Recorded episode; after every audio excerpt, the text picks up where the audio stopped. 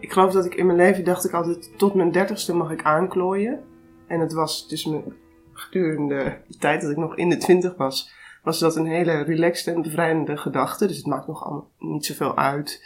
Ik maak nog geen definitieve keuzes.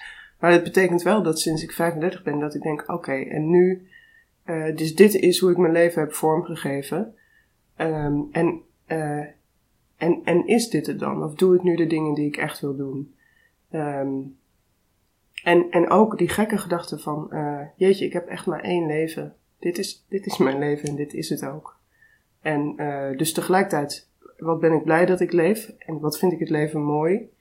Um, en ook, um, ja, is ook die gekke gedachte van, het, het is zo tijdelijk. Het is zo uh, uiteindelijk maar zo kort.